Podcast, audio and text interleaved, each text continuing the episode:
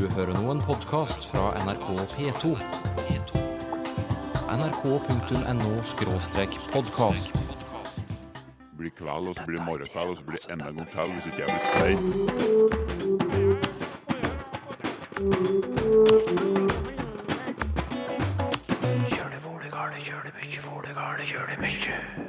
Noen ganger snakker vi grammatisk feil, for grammatikken i oss har en konkurrent. Og det andre er meninger, som er det vi kan føle er rettere, som kan være med på å overprøve og trumfe da, det grammatiske systemet. Men enten du vil eller ikke, blir hjernen din provosert når du hører språkfeil hos andre. Det vil skje i alle, uten at man er eh, veldig klar over det. Nevn ett ord som skaper trøbbel eh, i norsk, Sylfest Lomheim. Ikke, Ja vel? ikke eller ikke er et lite problembarn i norsk. Ja, Men da får vi oppdra det litt, da. Mot slutten. Hender det du blander sammen hannkjønn og intetkjønn? Som for eksempel slik? En av de ledende land i verden. Vi har ikke den samme behovet. Det er en enormt oppussingsarbeid. Hva skjer med nøytrumsordene, spør Eli Jannicke Flem i et brev. Eksemplene du nettopp hørte, har hun hentet fra radio og TV, fra seriøse programposter, som hun skriver. Og det er journalister, politikere og andre drevne intervjuobjekter som har ordlagt seg slik. Og slik. Vi kan ikke videreføre denne trygdesystemet. Kristin Melum Eide, professor i nordisk språkvitenskap. Du, hvorfor blander vi intetkjønn og hannkjønn på denne måten? Ja, det er jo en eh, generell sak at eh, når man da blir intervjua, når du skal uttale deg sånn på direkten, så det, kan det være vanskelig å holde fokus på det som munnen din driver og sier. For det at du driver hele tida samtidig og planlegger eh, hva du skal si i neste setning. Og det betyr at du har kanskje ikke fullstendig fokus på formen i, i det du skal si. Og da er det jo fort gjort at det skjer akkurat sånne glipper som dette her. Mm. Hun, hun Eli Jannike Flem hun har med en setning som illustrerer det motsatte av det vi eh, nettopp hørte, nemlig et annet ting som er viktig. Her har jo artikkelen intetkjønn, mens substantivet har, er hankjønnsord, Og du sier at det skjer ganske sjelden. Hvorfor det? Det er fordi at øh, du kan si at når det er så mange flere øh, hannkjønnsord og, og hunnkjønnsord òg enn det er intetkjønnsord, så, så, så du kan bruke én om både hannkjønn og hun- hunnkjønn. Og det betyr at de to gruppene til sammen det blir ganske mye større substantivgruppe enn intetkjønnsordene. Sånn at eh, du har eh, statistisk sett eh, ganske god sjanse for å treffe rett hvis du bruker ubestemt artikkel 1 eller bestemt artikkel den. Mye større enn hvis du gjør som i det her siste tilfellet, at du bruker intetkjønnsartikkelen, og så ombestemmer deg underveis at det var ikke et intetkjønnsord du skulle bruke likevel. For sjansene er størst til at det er hannkjønn, hunnkjønn. Mm. Vi har fått eh, et annet lyttebrev om, om samme tema, men før vi ser på det, så må du si litt om kongruens, eller samsvar, for det har mye med denne saken å gjøre. Ja, det har mye med denne saken å gjøre. For det, er sånn at øh, når vi snakker, så, og vi skal overbringe et budskap fra hjernen min til hjernen din, i tilfellet her, så da har vi behov for å lime sammen øh, de elementene som hører sammen. Vi signaliserer hva slags elementer som hører sammen. Det kan vi gjøre ved at vi stiller dem sammen, eller sånn som i tilfellet her, at vi markerer dem med en tilsvarende form. Så hvis du har et intetkjønnsord, så skal du ha en intetkjønnsartikkel. Sånn, og det var et brudd på det i det tilfellet her da, med, med et annet ting. Og sånne signaler, det skal lette forståelser eh, når vi snakker. Mm. Så bare for å oppsummere så langt, altså kongruens er det samme som samsvar mellom to kan vi si, elementer i en setning. Det er akkurat det det eksempel artikkelen og substantivet som Ja. skal stå til. Mm.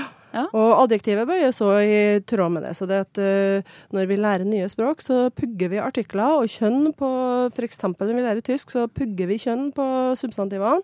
For da vet vi òg at den artikkelen som hører til, den skal bøyes på en bestemt måte, og det, det adjektivet som hører til, skal òg bøyes på en bestemt måte. Og det er det som kalles for kongruens, eller samsvar. Mm. Men det er to systemer her, har jeg forstått. Eh, Det er også relevant å snakke om i denne sammenhengen. Ja, det er veldig relevant, for det at eh, det som vi snakker om nå med et annet ting, det kan du si at det er brudd på syntaktisk eller grammatisk samsvar. Og da er det rene formen, at det er formen som bestemmer hvilket uttrykk artikkelen skal ha. Det var litt vanskelig, kan du si det på en annen måte? Ja, det, vi, kan vise, vi kan vise det med en, et annet eksempel. F.eks. når vi snakker om at politiet har pressekonferanse i dag. Og da er det sånn at politiet det er et intetkjønnsord, så når vi skal vise til politiet, så skal vi egentlig bruke pronomenet det. Politiet, det ville ikke uttale seg om. Og det føles veldig fremmed for mange. Sånn at um, selv om det grammatiske systemet krever det, så føles det eh, semantisk sett, betydningsmessig sett, eh, bedre for mange å bruke eh, de, politiet. De ville ikke uttale seg. Og, og i det siste tilfellet da, så har vi det som kalles for semantisk kongruens, eller semantisk samsvar. Og hva er det, utover det du har sagt nå? Altså hvordan Det er det at øh, vi, når vi forestiller oss de individene og de referentene som vi refererer til, så, så refererer vi i tråd med det. Og det er akkurat sånn øh, På, på tysk eksempel så heter det for das Mädchen, det er jenta. Men det er intetkjønn. For mange føles det fremmed å referere til ei lita jente med intetkjønn. Så da vil de bruke si, hun, i stedet for s, som det egentlig skulle ha vært etter grammatikken. Ja. Så det er to konkurrerende systemer. Ene er formen, hva grammatikken krever, og det andre er meninga, som er det vi kan føle er rettere, som kan være med på å overprøve og trumfe da, det grammatiske systemet. Jeg skjønner. Og da, da passer det å ta fram brevet fra Lise Lorentzen, for hun har også lagt merke til at intetkjønnsord kan få hannkjønnsartikkel. Her kommer to eksempler. Én av fem barn i Oslo får astma. En av de menneskene hun stolte på. Hva har eh, dette med det semantiske systemet å gjøre, altså dette systemet med betydning? Eh, Jeg tror at det kan være slik at eh, i flere av de eksemplene her, så tenker man på individet. Så én unge av de fem, fem ungene, én person blant de fem barna, én person blant de fem menneskene. Så her kan det være snakk om at det semantiske systemet overtrumfer da, det, det grammatiske systemet. Men det kan òg være at eh, hun Lise Lorentzen her peker på en ny utvikling. Hvis du, hvis du tenker på eh, de tok hver sin banan, eh, og vi tok hver vår banan, så er det sånn at i nyere tid så er det ganske naturlig for folk å si vi tok hver sin banan. Ja. Og det er jo en type brudd, ikke sant? På samsvar, ja. Eh, på samsvar. Så av eh, en tilsvarende type. Men, men det er liksom at hver sin har blitt en sånn egen enhet som har fått et eget liv, på en måte. Som du bruker uansett, eh, som igjen trumfer det grammatisk riktige samsvaret. Og, og det kan det òg være en mulig forklaring på de her eksemplene her, at én av, en av fem barn at det er én av har fått en sånn status som et sånt eget element. Det er jo en mulig forklaring. Sa språkprofessor Kristin Melum Eide. Men etter at hun hadde svart på det hun egentlig kom i studio for, så fortalte hun noe som gjør at jeg nå er på vandring i korridorene på NTNU i Trondheim. Hun fortalte nemlig dette.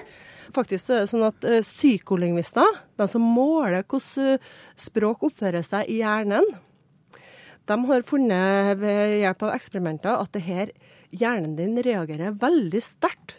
Ubevisst, veldig sterkt, når du møter sånn brudd på samsvar. Det har de målt både i tekst, når folk leser det og møter brudd på samsvar i tekst, så kan de måle det ved hjelp av øyebevegelsene, at eh, hjernen din tilter litt, den blir litt sånn overraska. Og du kan òg måle det ved hjelp av eh, elektroder ved tale. Så, folk, så hjernen din er så innstilt på at, eh, at det skal være samsvar, der det er påkrevd, at den reagerer veldig sterkt, uten at du kan hjelpe for det, når den møter brudd på kongruens.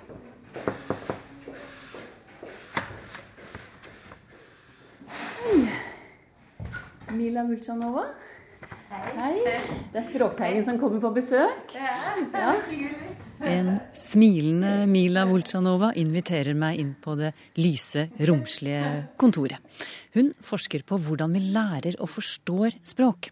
Og på laboratoriet ser hun akkurat det Kristin Melum Eide beskrev. Hjernen reagerer når vi leser eller hører setninger der det ikke er samsvar mellom f.eks. artikkel og substantiv. Og reaksjonene kommer lynkjapt. Det er uh, veldig fort, og slike prosesser uh, tar bare millisekund. Uh, så vanligvis finner man en første reaksjon når man hører uoverensstemmelse.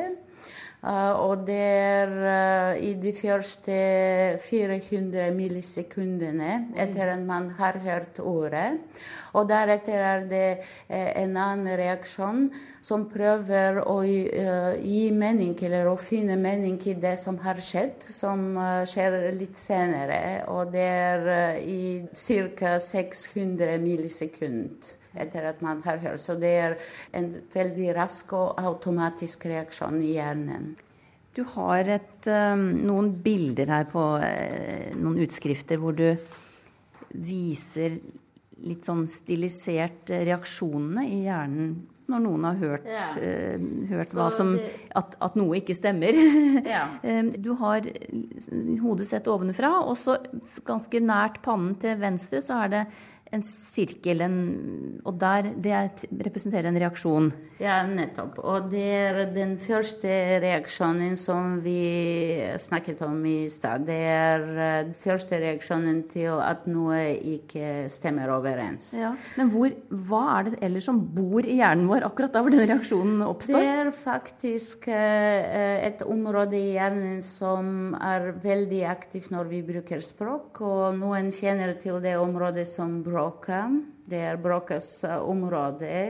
Eh, men det er også et område der eh, man kan anta at grammatikk ligger, på en måte. Ja.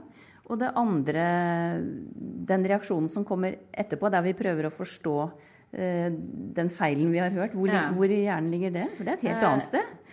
Det er i området som har med ord å gjøre. Så det er hvor vokabulær ligger. Mm. Og det er mer utbredt eller spredt i hjernen, ikke som den her, som er veldig lokalisert. Så det du sier er altså først så kommer det en veldig rask reaksjon, en negativ reaksjon oppi hjernen min når jeg hører noe som ikke stemmer. Mm. Og så kommer det en reaksjon til der jeg forsøker å finne ut av hva det var for noe? Ja, uh, så det er vanligvis noe Den første er veldig automatisk, ganske automatisk, som uh, stemmer overens med uh, vår språklige kompetanse. Så vi som morsmålsbrukere kjenner til hva som er grammatisk, eller hva som er korrekt. Men deretter er det litt sånn man prøver å gi mening. Hvorfor skjer det faktisk? Og det er ikke noe man forventer. Så man prøver å finne en slags forklaring på det. Mm. Uh, og som jeg sa, så er det automatisk og vil skje i alle uten at man er veldig klar over det. Så det, det er bare hjernen som reagerer. Ja. Men da lurer jeg på fordi vi er jo forskjellige. Noen av oss er litt mer konservative når det gjelder hva vi tolererer av eh, språkbruk mm. og grammatiske feil og sånne ting. Og noen av oss eh, er mer sånn ja ja, det er vel greit det òg. Så hvordan påvirker det, altså holdningene våre til språkbruk, hvordan påvirker de disse reaksjonene i hjernen som du har skildret for oss? Ja, alle eh, reagerer automatisk, og det, det, skjer ved alle språkbrukere, så det har forskning påvist. Eh, men eh, å, å reagere på um, en annen måte, f.eks. Å, å bli klar over eller å, å observere språkbruken, er noe annet. Det er det som har med holdninger å gjøre. Om man blir oppmerksom på det, det er eget valg, faktisk. Så alle hjerner vil reagere absolutt likedan. Eh, Men det er noen få som kan også bli f.eks. provosert av det. Og det skjer helt uavhengig av den hjernereaksjonen. Uh, ja, ja. Så det, det er ikke noe overensstemmelse mellom de to. Sa Mila Vultsjanova. Hun leder det som kalles Språktilegnelses- og språkprosesseringslaboratoriet ved NTNU i Trondheim.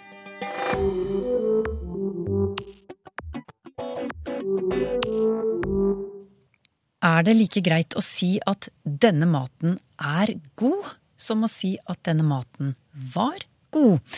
Det var et av lytterspørsmålene forrige uke. Vi slo fast at det er valgfritt, men at det kunne være en meningsforskjell. Og du, Sylfest Lomheim, inviterte lytterne til å bli med og forklare denne bruken. Du, fikk du noen svar?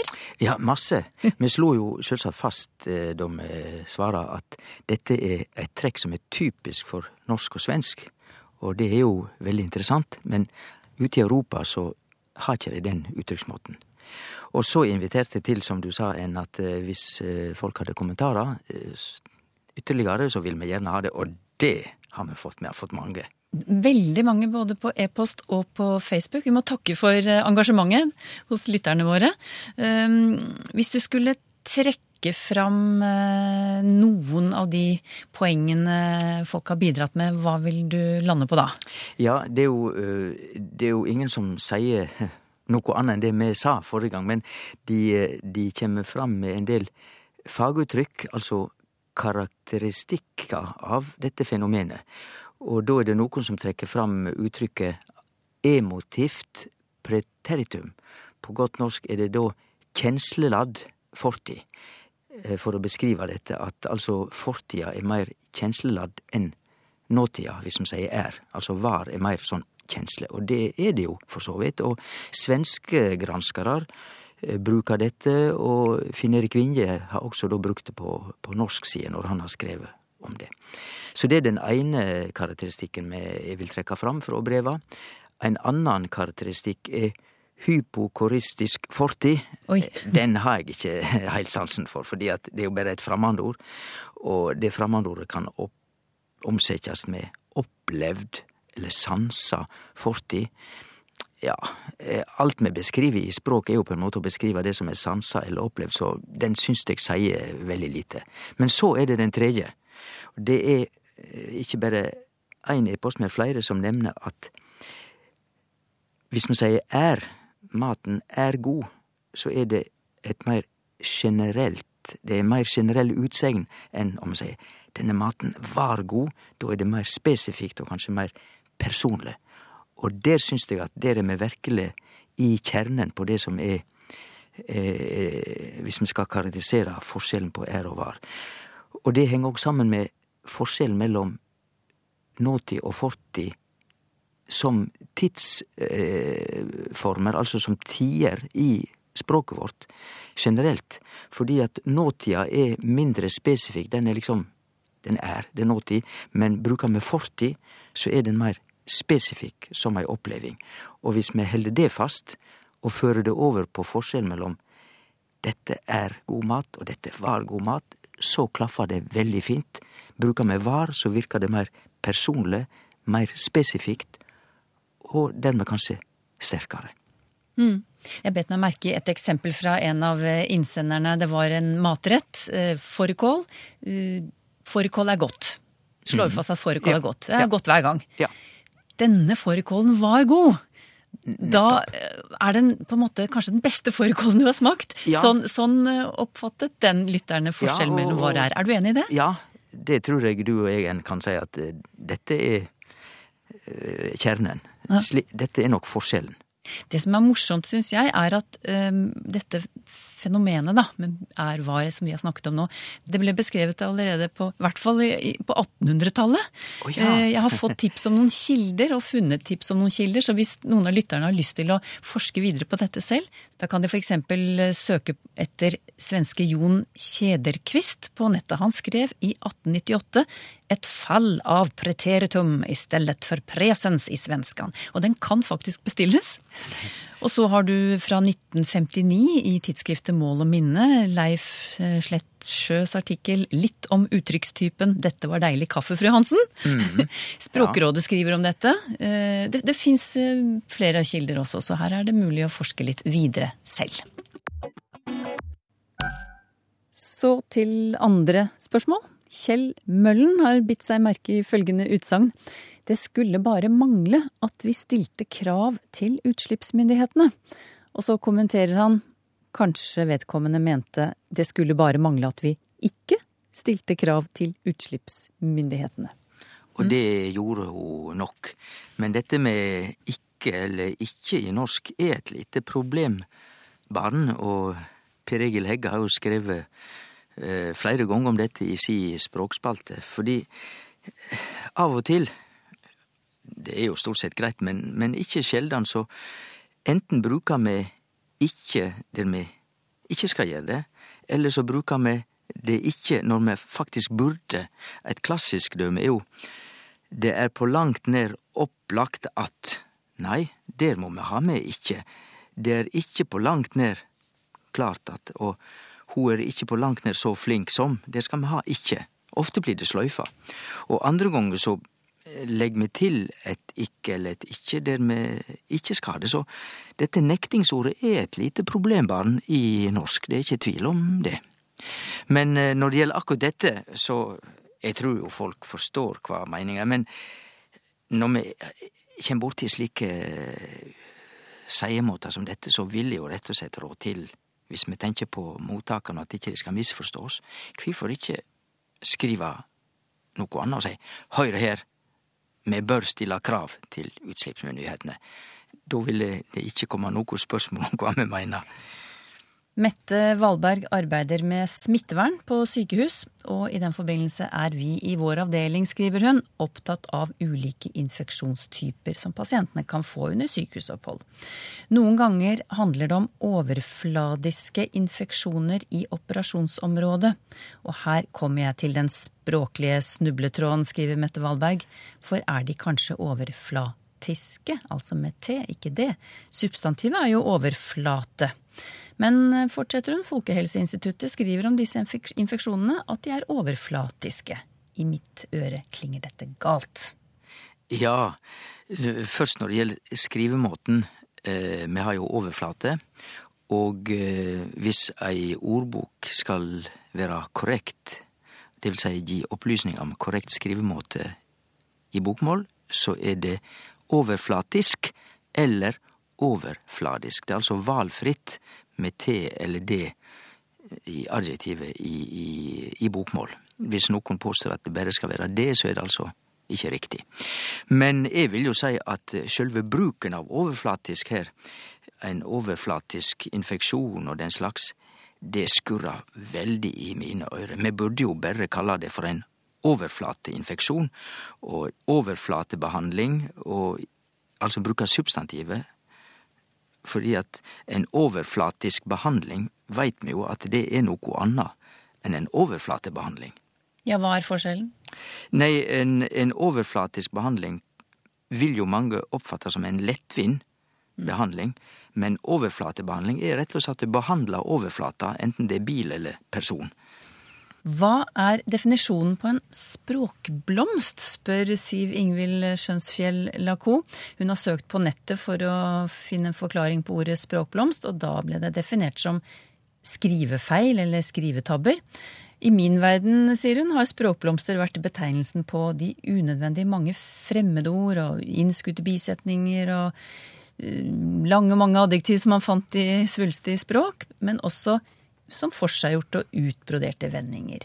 Så nå lurer hun på, dersom det er riktig at skrivefeil og tabber, at det er det som er språkblomster, hva skal man da kalle språklige utbroderinger? For det første så er det nok rett det hun har funnet ut, nemlig at en språkblomst etter tradisjonell norsk betyr unaturlig språk, uriktig språk. Så sånn er det. Men eh, hvis hun vil ha et ord for å utbrodere eh, altså masse fremmedord, innskotte bisetninger og liksom sånn Da må jo rett og slett prøve å finne et annet ord. Språkpynt, språkbrodering eller et eller annet slik i, i den leia. Det er bare å bruke fantasien. Gudveig Henriette Aaby er medlem av Utdanningsforbundet og mottar derfor bladet Utdanning. Og hun har sakset en overskrift og sendt til oss. Kommunene må levere på videreutdanning. Og det er to ting hun reagerer på her. Hun sier eh, ja, levere tar jo objekt, men her er det altså brukt uten objekt. Å levere på syns hun også er eh, litt merkelig. Hun lurer på om dette er korrekt norsk? Nei. Eh, og det var et kontantsvar. Eh, jeg er veldig sammen med Gudveig eh, Henriette Aaby. Og eh, for å ta en, en billig spøk, her syns jeg det er grunn til å ta bladet Utdanning i skole, rett og slett. Eh, jeg har veldig sans for læreryrket og våre flotte lærere, men dette er ikke mønstergyldig språkbruk, og derfor burde Utdanning, som et blad for utdannarar, altså undervisere, de burde skjerpe seg og levere eh, i betydningen å, å eh, komme med noe eller tilby, eller hva det nå måtte være. Slik som det er brukt her, så er det en klisjé og en floskel, og det er ikke i samsvar med omtalen og forklaringa av verbet å levere i gjeldende norske ordbøker. Og dette med på er jo også en, en sånn floskelpreposisjon, så å levere på utdanning, nei. Det, vi veit jo at folk uh, sier det, vi hører det, men dette er ikke mønstergyldig skriftspråk. Mm. Men altså bare for å gjøre det helt klart, levere kan ikke stå alene? Nei, ikke et uh, gjeldende språkbruk altså som blir forklart i ordbøkene våre. Det skal levere eller levere, det skal ha objekt. Har du spørsmål til Språkteigen? Skriv til Teigen, krøllalfa nrk.no, eller til Språkteigen, NRK P2, 7005, Trondheim. Så finner du oss også på Twitter og på Facebook. Til slutt i Språkteigen i dag, en liten verbhistorie fra Bjarne Foles. To småjenter leker sammen. Den ene begynner å hikke, og så sier hun 'Å, jeg hikker så veldig'. Så svarer den andre ja, jeg hørte at du hakk. Og vi høres om en uke.